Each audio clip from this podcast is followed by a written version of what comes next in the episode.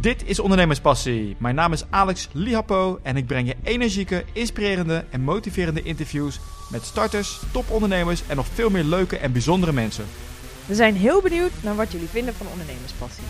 We zouden het dan ook super cool vinden als je je abonneert op ons in iTunes. Het zou nog gaver zijn als je dan ook nog een leuke review voor ons achterlaat. Ik zit hier vandaag met Kevin Weijers. Hij is spreker, blogger en adviseert bedrijven hoe je ideeën vertaalt van gedachten naar concrete experimenten. En vanaf 2015 heeft hij zijn spullen verkocht en reist hij de wereld over nou, om bedrijven te helpen en, uh, en goede doelen. En je kunt hem volgen op zijn website uh. Kevin, welkom in de uitzending. Ja, dankjewel Alex. Is hier nog iets wat je aan, uh, wat je aan dit rijtje toe wil voegen? Want je doet nog veel meer, maar ik geef, geef je altijd de mogelijkheid om daar uh, zelf iets aan toe te voegen. Ja, ik vind het altijd heel lastig om de vraag te beantwoorden, wat doe je? Um, en dat vinden andere mensen dan vervolgens ook weer lastig. Um, maar ik werd laatst op Twitter door iemand ingedeeld in een lijstje uh, nog in te delen. Um, omdat hij niet wist waar ik moest komen. En toen zei ik ook tegen hem van, nou, ik ga mijn best ervoor doen om in dat lijstje te blijven. Toen zei hij, nou, als je, dat, als je blijft doen wat je doet, dan komt het wel goed. Dus, um, nou ja, wat je zegt, ik ben op dit moment de wereld aan het rondreizen om uh, ja, 80 experimenten te doen. Terwijl ik uh, bedrijven help door mijn werk te ruilen voor eten en onderdak. Um, dat is eigenlijk wel grotendeels wat het is. Hoe gaat het zoiets? Denk je opeens van, ah, ik ga de wereld over? Nou, dat, dat is niet... Nou, op zich is het redelijk spontaan ontstaan. Um, ik, ik, ik, was voetbal, ik heb gevoetbald um, bij FC Lisse uh, in de topklasse. Daar was ik altijd ook wel een beetje druk mee. Um, maar ik ben vorig seizoen gestopt. En toen kreeg ik in één keer wat meer, uh, wat meer vrijheid in mijn agenda. En begon het te kriebelen om ook wel de wereld rond te reizen. ik werkte vervolgens al voor mezelf bij allerlei verschillende bedrijven. Uh, nationale politie, de Baak, Vegro en, nog zo'n riedeltje andere bedrijven waar ik eigenlijk probeerde te helpen om complexe dingen simpel te maken. Zodat we het gewoon aan normale mensen kunnen uitleggen. Um, en dat vond ik ook heel leuk. En daarnaast gaf ik presentaties. Ik ben ooit in een verleden, toen ik, uh, toen ik voor de overheid werkte, gestopt met e-mail. Um, en samen met Kim Spinder uh, zijn we We Mail uh, gestart toen.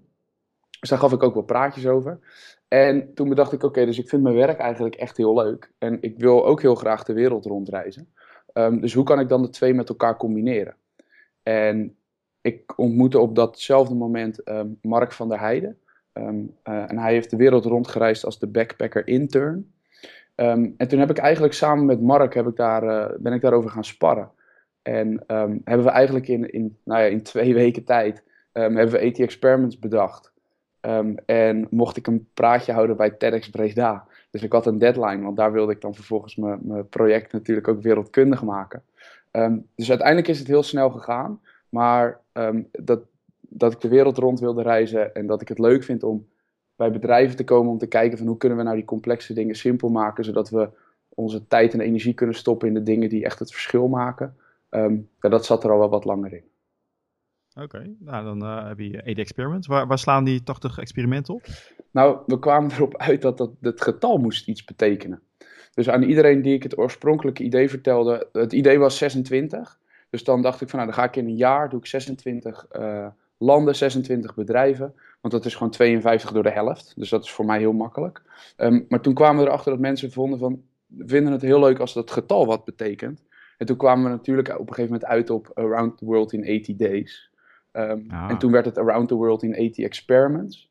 Heb ik dat ook nog een tijdje als URL gehad, omdat ik te eigenwijs was. Uh, dat ik dacht, dat kan makkelijk, hè? dat onthouden mensen wel, dat, ook al is het zo lang. Uh, dat is inmiddels atexperiments.com dan uh, geworden. En um, dus, dus vandaar de 80. Oké, okay, maar dan je verkoopt je spullen, je gaat, naar het, je gaat naar het buitenland om bedrijven te helpen. Ja. Hoe doe je dat? Um, nou, feitelijk was het heel simpel. Ik heb gewoon een enkeltje geboekt naar Hanoi en ik ben eerst twee maanden gaan reizen.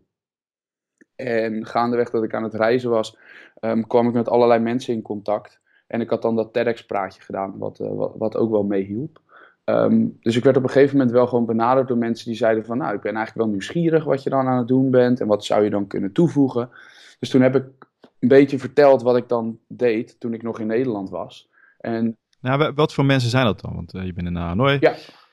Uh, zijn het bedrijven, lokale bedrijfjes? Zijn het grotere bedrijven? Het wisselt heel erg. En het grappige is dat als ik nu acht, ik heb nu in, in acht verschillende landen bij twaalf verschillende bedrijven gewerkt. En ik vlieg eh, volgende week weer naar Stockholm om dan om door te gaan. Ik ben op dit moment even in Nederland. Ehm, en achteraf lijkt het allemaal heel logisch. En op een bepaalde manier kan ik het ook wel zo uitleggen. Maar de, de eerste is gewoon heel simpel. Ik heb, ik heb ooit gevoetbald ehm, met, met een jongen die op dit moment in Singapore woont. En werkt voor een professionele voetbalclub daar op de marketingafdeling.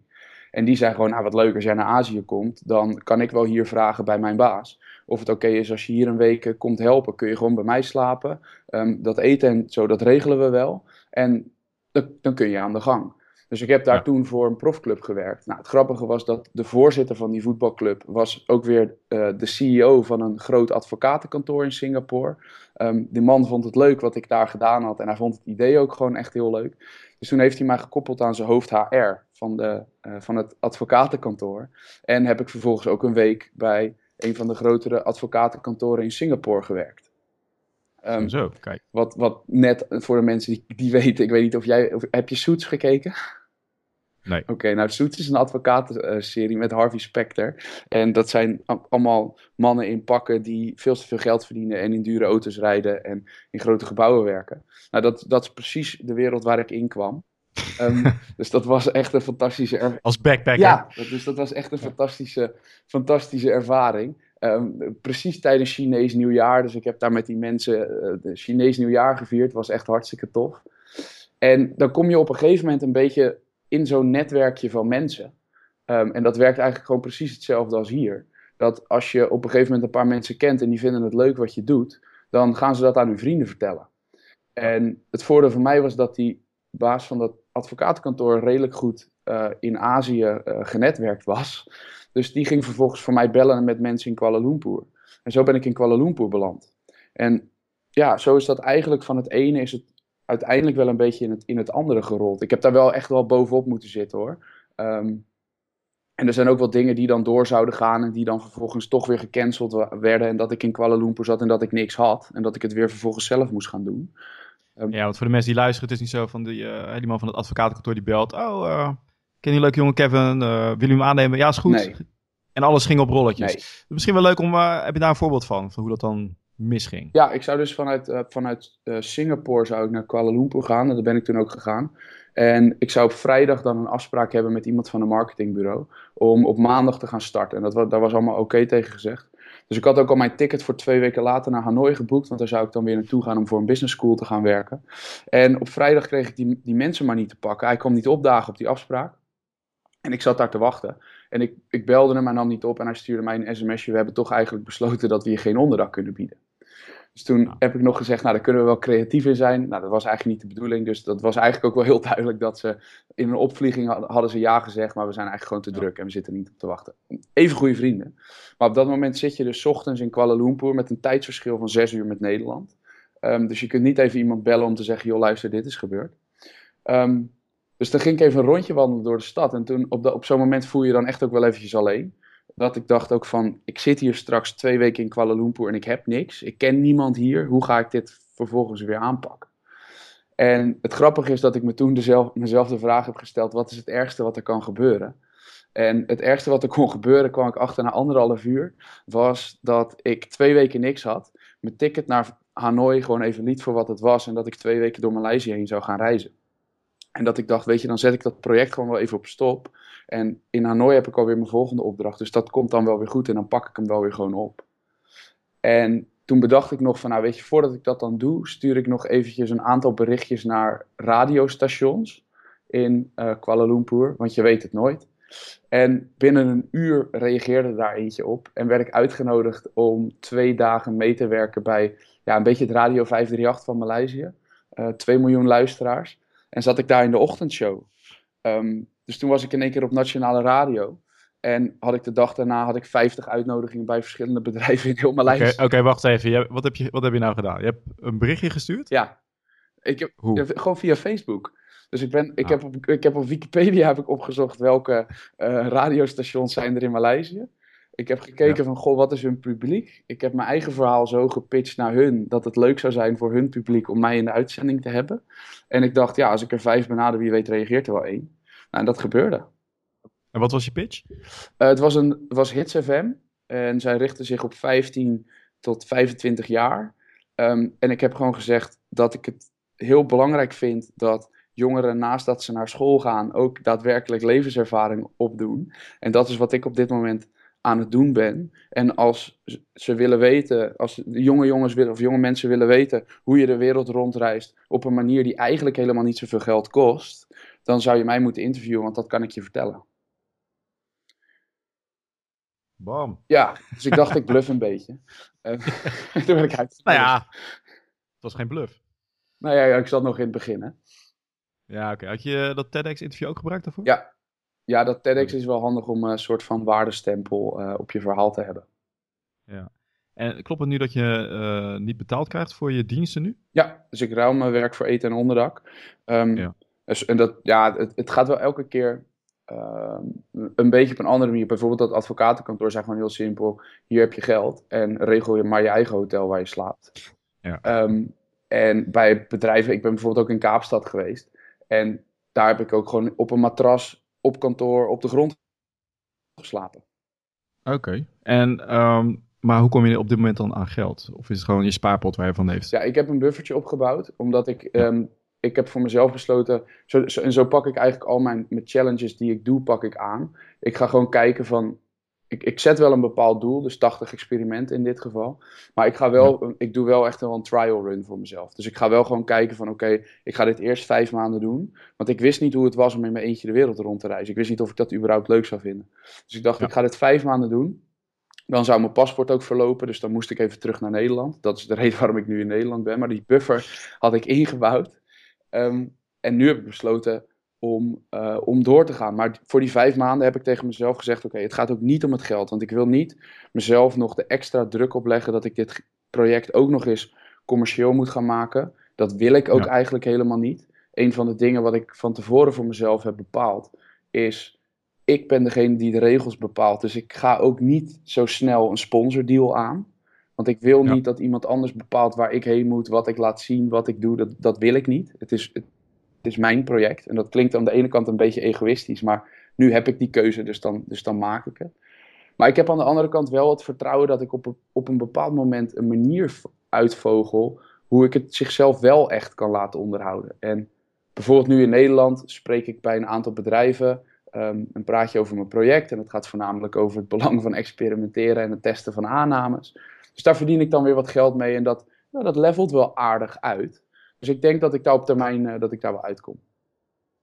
En voor de mensen die, nu nog steeds niet weten wat je daadwerkelijk brengt bij die bedrijven, kan ik jou natuurlijk vragen, want jij kan het makkelijk uitleggen. Ja. En je komt bij zo'n bedrijf in uh, Kuala Lumpur. Ja. Wat, wat doe je dan? Nou, het fijne is dat ik dus bij verschillende branches binnenkom waar ik totaal geen kennis van heb.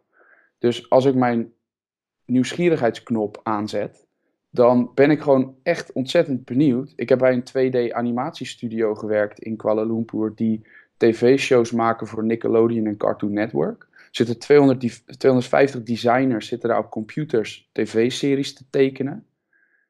Ja, ik, ga, ik ging daar gewoon naar binnen en ik ging gewoon heel veel vragen stellen. En ja. een van de vragen wat ik vaak probeer te stellen is: wat, stel dat je een week extra handjes zou hebben, wat zou je die handjes dan laten doen? En het grappige is dat doordat iedereen altijd heel druk is, blijven de belangrijke dingen blijven vaak liggen. En is dat het antwoord wat iemand geeft? Dat is vaak een heel belangrijk project. Of nou, we, zijn eigenlijk bezig met de recruitmentstrategie, maar we komen er eigenlijk niet helemaal uit. En dan, of we zijn bezig met het bouwen van een nieuwe website, maar we lopen tegen de customer journey aan dat we dat niet helemaal scherp hebben. En dan, doordat ik een soort van beginners mind heb en niet weet waar ze mee bezig zijn en ook geen vooroordelen heb, kan ik gewoon heel veel vragen stellen. En komen we op die manier eigenlijk wel altijd uit op, op iets concreets, wat ik dan weer frame in een experiment, wat we kunnen gaan testen. Um, en een experiment, je noemt het zo, uh, omdat jij ook niet weet of het weer gaat werken, ja of nee? Nee, geen idee. Hè, maar je, je kan wel, uh, heeft dat te maken met dat faal snel? Nee, uh, ja, aan de ene kant wel. um, maar als het misgaat, hè? Als ja, het misgaat. als het misgaat. Dan kom je zo snel ja. mogelijk achter ja. en blijf niet voortbeduren nee. op je aannames. Nee, als het misgaat, doe het dan maar heel snel. Maar ja. ik, ik ben ook wel gewoon van doe het maar heel snel, heel goed. Uh, dat is eigenlijk het doel. Nee, maar, maar goede toevoeging. Ja, maar experiment. Ja. ja maar soms is faal snel. Net alsof je moet falen. Um, nee, maar inderdaad, blijf niet, blijf niet te lang hangen. Ehm, ja, maar het, het, doel van experimenteren is absoluut is leren. Um, een van de uh, achtergrondjes die ik een tijdje op mijn telefoon heb, geha heb gehad is sometimes you win, sometimes you learn. En zo zit ik er ook echt wel daadwerkelijk in. Um, dus het levert altijd iets op. Maar maak je dan een heel proces daar? In, uh, voor, die, uh, voor die 2D animatiestudio bijvoorbeeld? Nou, We gaan het anders doen. Want het lijkt alsof het best wel complex is als je iets wil experimenteren. Ja, um, het, het simpele daar was uiteindelijk Um, en dit, dit ontstaat over de, over de loop van een paar dagen. Hè? Dus het is niet dat ik meteen als Willy Wortel een fantastische ingeving heb en dat ik het oplos. Ding. Ja, dat, dat, hè, dat, gebeurt, dat gebeurt niet. Maar een van de dingen waar zij tegenaan liepen is dat ze het heel lastig vonden om nieuwe designers te vinden. Het zijn vaak jonge, jonge mensen. Um, en ze hadden dan een uh, refer a friend uh, bonus. Dus dan kregen ze iets van 40 ringgit of zo, dat is 10 euro. Als je dan een vriend uh, binnenbrengt. Maar waar ik achter kwam door te praten met die, met die, met die designers die daar daadwerkelijk aan het tekenen waren, was dat ze dat heel eng vonden. Dus dan, uh, leveren ze, dan raden ze een vriend aan, dan krijgen zij er geld voor, dan doet die vriend het vervolgens niet goed en dan ervaren zij het alsof het hun schuld is dat het dan niet goed gegaan is. Ja. Dus toen was het experiment, wat zou er nou gebeuren als je die refer friend bonus weghaalt? En mij met die designers laat praten om te kijken van, goh, hebben jullie nou vrienden die dit leuk zouden vinden? Om hier dan te komen. Omdat in Maleisië is het ook nog eens zo, als je in de gang de baas tegenkomt, als de baas niks tegen jou zegt, zeg jij ook niks tegen de baas. Ja. dat werkt anders dan dat het hier in Nederland werkt. Dus die designers waren niet zo open tegen die baas, die eigenlijk graag, heel graag wilde weten wat er in hun hoofd omging. En tegen mij op een gegeven moment wel, omdat ik daar gewoon een beetje in de ronde liep. En ja, het is toch een beetje die rare blonde Hollander, die hier een paar dagen mee komt lopen en eigenlijk alleen maar heel veel vragen stelt.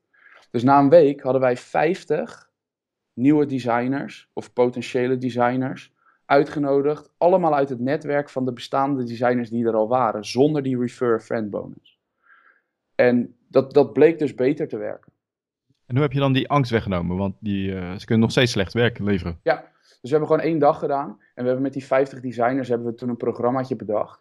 Om te kijken van hoe kunnen we nou uitvogelen of die designers daadwerkelijk kunnen tekenen, ja of nee.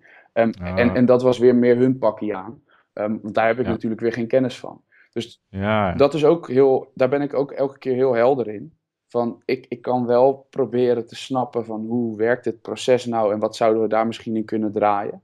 En heel, veel, heel vaak komt het erop neer van wat zou er nou gebeuren als je het, als je het tegenovergestelde doet. Ja, dus je, gaan, je gaat nu mensen belonen als ze iemand uh, aanraden. Wat gebeurt er als je dat eruit haalt?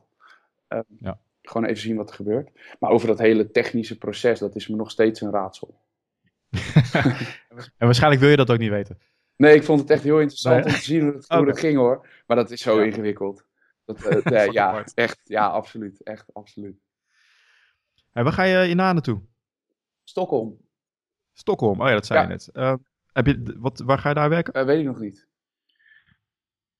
Ehm, het grappige is dat dus- ik niet... dat- ja, Ik denk, dat- je hebt nu een heel netwerk opgebouwd. Ja, heb ik. Ja, kijk, ik, Ja? laatst, voordat ik in Nederland was, was ik in Kaapstad. En Ja. ik kon op een gegeven moment vanuit Kaapstad met iemand mee naar Namibië en via Namibië naar Mozambique. Ehm, of Zimbabwe, sorry. Ehm, maar ik had besloten dat ik even eruit zou stappen om te kijken hoe het ging. Dus dat maakt dat ik eigenlijk nu weer een soort van opnieuw moet beginnen. En ik heb eigenlijk gisteren pas bedacht dat ik naar eh, Stockholm ga. Om dat even in perspectief te plaatsen. Gisteren was het maandag en ik vlieg vo- volgende week maandag. Dus er zit nu een week tussen. Ehm, Ja. Dus ik heb nu een week de tijd om met mensen in eh, Stockholm contact te zoeken. Of binnen mijn netwerk te kijken, goh, wie ken jij die in Stockholm zit? Ehm, dus dat heb ik gisteren opgestart. En er lopen nu eh, drie lijntjes bij verschillende bedrijven. Ehm, en dan gaan we wel zien hoe het, hoe het uitpakt. Ja, ik vind het echt heel erg gaaf wat je doet. En, eh, mensen kunnen jou volgen op www.atexperiments.com, hè, want Ja. je blogt hierover. Ja. Ehm, ja, voor eh, mensen die, ja, hè, als hier bedrijven naar luisteren die jou willen boeken, hoe eh, komen ze in contact met jou? Ja, je kunt naar de website gaan. ehm. En daar staat contact en dan kun je me op allerlei verschillende manieren benaderen. Dus ik, ik, ik ben wel op Twitter en ik, ik, ik ben ook wel op Facebook en op LinkedIn en zo. Ehm, hoe ik daadwerkelijk de dingen laat zien wat ik doe is... Ik ben overgehaald om, om een vlogje te starten ehm, door Esther Jacobs. Zij is een van de bekendere uh, digitale nomaden van, uh, van Nederland. Uh, reist de hele wereld over. En zij zei tegen mij van als ik jou was... En, ik vroeg aan haar als ik één kanaal zou mogen kiezen om te laten zien wat ik doe. Wat zou, wat, wat zou jij dan kiezen? Dus hij zei ik raad iedereen af om te vloggen. Maar als ik jou was zou ik het doen. Um, dus daar ben ik twee weken geleden mee, mee gestart om één keer per week eventjes een anderhalf minuut een update te geven. Um, en verder doe ik, ik maak een foto of the day. Dus ik heb op Instagram, plaats ik elke dag een foto van iets wat er die dag gebeurd is. Het doel is om, de, om met die foto een soort van de dag samen te vatten. En vertel ik een kort verhaaltje uh, daarbij. Want ik ben wel de afgelopen vijf maanden dat ik aan het reizen was, op de meest bizarre plekken gekomen. Um, dus op die manier probeer ik het ook voor mezelf een soort van luid dagboek bij te houden. Um, en voor andere mensen het ook makkelijk te maken om, als je het wil volgen, kun je het volgen. Um, haak je een paar dagen af, geen probleem. Wil je weer aanhaken, dan is dat heel makkelijk. Um, ja. En over elk experimentje schrijf ik een blog. Ja, nou ik denk dat heel veel mensen nu heel jaloers zijn. Dus, uh, maar ze kunnen je volgen. En wie weet dat ze ook geïnspireerd raken om ook uh, zelf op, op, hun, uh, op weg te gaan. Ze hebben nu de blauwdruk gehoord. Ja. Dus, uh... Ja, al is het maar gewoon dat je het. Al, ja? al, probeer maar gewoon eens een keertje iets kleins. Um, ja. Zeg eens een keer ja tegen iets waar je normaal gesproken nee uh, tegen zou zeggen. Uh, volg een keertje je nieuwsgierigheid. En dat is het vooral. Ik probeer gewoon elke ochtend, als ik wakker word, te bedenken: goh, waar, waar ben ik nieuwsgierig naar vandaag? Um, of waar, wat wil ik de komende twee of drie weken uitvogelen? En dan ga ik daar achteraan. In plaats van dat er vaak wordt gezegd. Het, als je het hebt over com complexe dingen simpel maken, um, vind ik passie soms een complex begrip. En is nieuwsgierigheid voor mij de simpele versie van passie. De wat meer laagdrempelige manier van passie. En ik heb het idee dat door mijn nieuwsgierigheid te volgen, dat ik misschien ooit uitkom bij mijn passie. Bij een passie. Maar ik weet in ieder geval zeker dat ik heel veel dingen met passie doe als ik mijn nieuwsgierigheid volg. Ik vind dit wel de mooiste uitspraak in een, die, ik een tijdje, die ik een tijd heb gehoord. Nou, nou Hele mooi. Dankjewel. Je hebt gelijk inderdaad de passie gewoon simpel gemaakt. Ja, misschien wel. Nieuwsgierigheid, ja. Kevin, echt hartelijk dank en ik hoop je in de, in de toekomst zeker weer te spreken. Graag gedaan Alex, jij bedankt. En vergeet niet om je te abonneren en meteen een review achter te laten.